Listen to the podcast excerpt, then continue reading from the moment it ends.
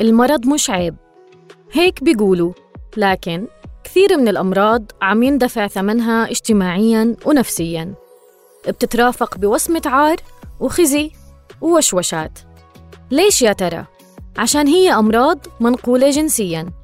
المريض هون بيسكت وبيتكتم على الأعراض وما بيحكي إيش بصير معه لأنه عيب ولأنه كمان خايف.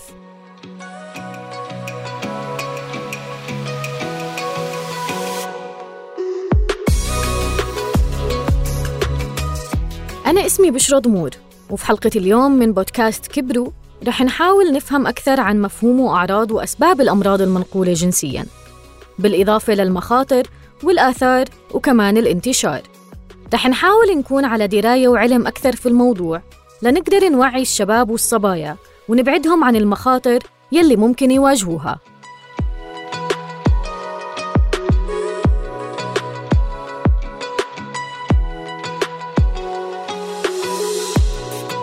خلينا بالأول نعرف لأي مدى الناس بتعرف عن الأمراض المنقولة جنسياً؟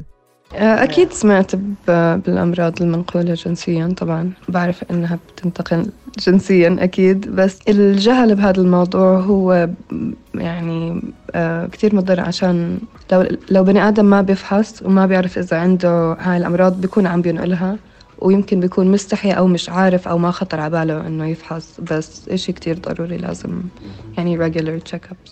أكيد سمعنا فيها زي ما بنعرف إنه منها من ضمنها أمراض الزهري أو الإيدز وياس دائما نسمع منهم إنه بتم هاي من خلال الاتصال الجنسي الغير حذر أو المتعدد. إيه، ولكن عمرنا حضرنا محاضرة عنها لا. إذا كان في محاضرات توعية أو دورات بهاي المجال فما حضرنا وبنتمنى إنه يكون في موجود في يوم من الأيام وبنتمنى صراحة نعرف معلومات أكثر عن موضوع الأمراض الخاصة بهاي القضية. يعني إيش إيش هو الزهري بالضبط؟ على إيش بيأثر بالضبط؟ أو إيش هو الإيدز بالضبط؟ وليش لغاية اليوم ما له علاج؟ هي عن طريق العلاقات الجنسية العلاقات نقل الدم آه، من الأم خصوصا إذا كانت الأم نقل إليها دم من أثناء الولادة. فممكن يولد الطفل معاه هاي نقص المناعة ويكون عنده هذا المرض. عندي معلومات بسيطة بخصوص الأمراض المنقولة جنسيا وهي عبارة عن الأمراض اللي بتنتقل عن طريق الاتصال الجنسي آه، وعن طريق الإفرازات اللي بفرزها الجسم عن طريق إما السائل المنوي أو الإفراز المهبلي للجسم. آه، بالتأكيد لو عندي أولاد أو بنات ما عندي مانع إنه يتعرفوا على هيك معلومات بالعكس هاي هاي المعلومات راح تفيدهم. بحياتهم اليومية وعلى أمل إنه ما يتعرضوا لخطر أو ما يتعرضوا لمثل هذه الأمراض ويعرفوا آه، طرق الوقاية منها بالشكل الصحيح.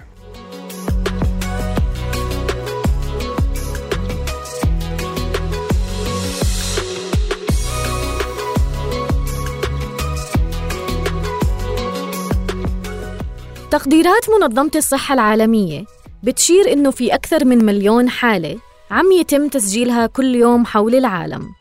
ومن الضروري نعرف إنه مش بكل الأحيان العدوى جنسية.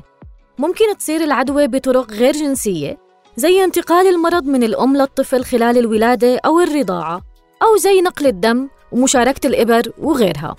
كثير من المعلومات ما بنعرف عنها لأنه عمرنا ما حضرنا محاضرة توعوية أو قرأنا مقال علمي عنها. وعادة منمنع أولادنا وبناتنا من معرفتها.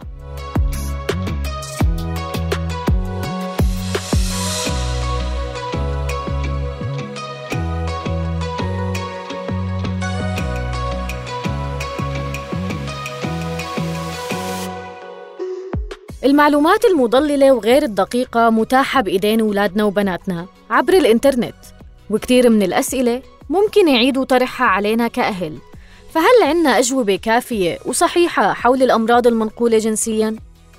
الدكتورة منال التهتموني واللي رح تحكي لنا أكثر عن هالموضوع رح تجاوب على هاي الأسئلة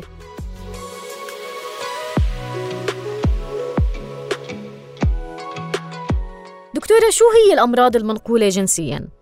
هي عدوى تنتقل من شخص إلى آخر من خلال الاتصال الجنسي بما فيه الممارسة الجنسية.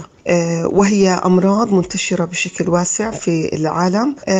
وحسب تقديرات منظمة الصحة العالمية هناك أكثر من مليون حالة يتم تسجيلها يوميا حول العالم.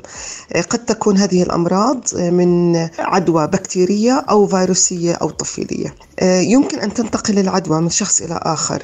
بشكل عن طريق الدم أو السائل المنوي أو السوائل المهبلية أو سوائل الجسم الأخرى واختلاطها بين المصاب والشريك الحميم للمصاب. آه، ولكن يمكن إذا الطريقة الأساسية لانتقال الأمراض المنقولة جنسيا هي عن طريق الممارسة الجنسية. ولكن يمكن أن تنتقل هذه العدوى بطريقة غير جنسية مثل الانتقال من الأم آه، للطفل خلال فترة الولادة أو الرضاعة أو عن طريق نقل الدم الملوث أو مشاركة الإبر آه، تعتبر الأمراض التالية من أهم الأمراض المنقولة جنسيا عالميا وهي السيلان والزهري والسفلس ويعتبر آه، مرض الإيدز أو الإصابة بفيروس نقص المناعة البشرية من الأمراض المنقولة جنسيا أيضا. هناك العديد من عوامل الخطورة للإصابة بالأمراض المنقولة جنسيا ومن أهمها الممارسة الجنسية غير الآمنة. والإصابة السابقة بأحد الأمراض الجنسية استخدام الحقن بين المدمنين على المخدرات ضحايا العنف الجنسي والاغتصاب. هناك بعض المهن التي قد تؤدي إلى الممارسات غير الآمنة للجنس مثل الجيش قوات حفظ السلام السائقين عمال المصانع وغيرها. وأيضا للأسف تنتقل في بعض المهن الطبية وذلك بسبب استخدام المواد الحادة وآلية انتقالها عن طريق آه، الدم الملوث آه، مثل الجراحين والتمريض وفنيي آه، المختبر وبالتالي من المهم جدا معرفة عوامل خطورة انتقال هذه الأمراض شو هي المضاعفات اللي بتسبب فيها هاي الأمراض؟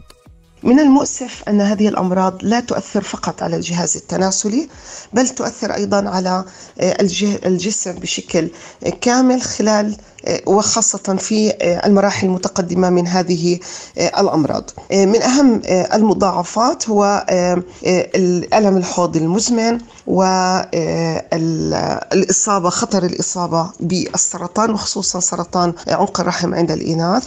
قد ينتقل الأمراض المنقولة جنسيا إلى الجنين وبالتالي يسبب له العديد من المضاعفات ومن الأعراض منذ فترة الولادة والتي قد تؤدي إلى العمى. العمى أو تؤدي إلى الإصابة آه، بالعديد من آه، المضاعفات المتعلقة بالرئة والقلب وغيرها من الأنسجة وقد تؤدي إلى الوفاة. آه، إضافة إلى ذلك تصبح هذه الأمراض أمراضا مزمنة ويمكن انتقالها من شخص إلى آخر وقد تسبب العقم مستقبلا وتعتبر المضاعفات من العلامات والأعراض التي تؤدي عادة إلى اكتشاف هذه الأمراض بناء على إجراء الفحوصات المخبرية آه، اللازمة آه، لمتابعة هذه الأعراض ومن ثم اكتشاف الإصابة بالأمراض المنقولة جنسيا شو الأعراض اللي ممكن للأهل يلاحظوها على أبنائهم؟ للأسف معظم هذه الأمراض لا يوجد لها أعراض بشكل مباشر وقد آه، يتم انتقالها من شخص إلى آخر بدون وجود أو ظهور أي علامات أو أي أعراض آه، يمكن للشخص المتلقي معرفتها أو الانتباه لها. ولكن بشكل عام هناك خمس أعراض معروفة للأمراض المنقولة جنسيا ومن أهمها الإفرازات المهبلية غير الطبيعية ألم في أسفل البطن شعور بعدم الراحة والحكة في المنطقة التناسلية إفرازات إحليلية عند الذكور وأورام شرجية تناسلية أو بثور أو تواليل موجودة في المنطقة التناسلية دكتورة شو هي المعلومات الواجب تقديمها لأولادنا وبناتنا حول الموضوع؟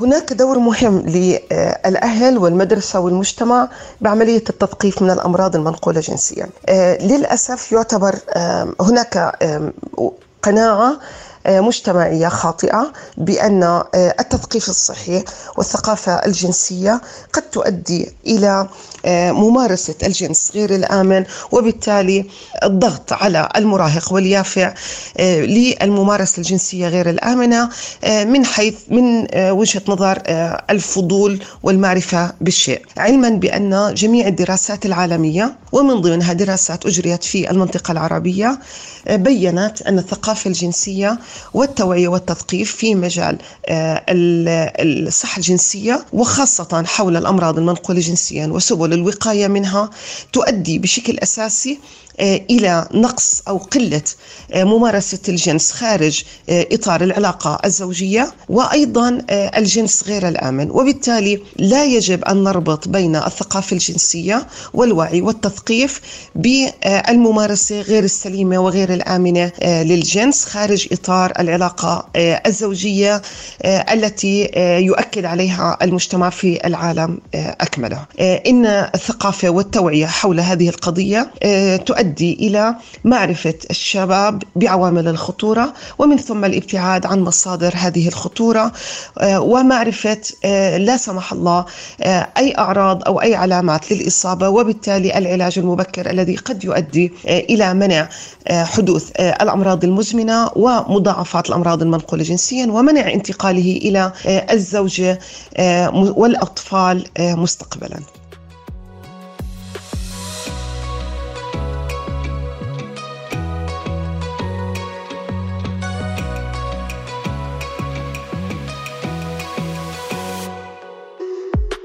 لما نحكي بصراحة ووضوح مع الشباب منقلل من فضولهم ومنساعدهم يحموا أنفسهم من أي خطر.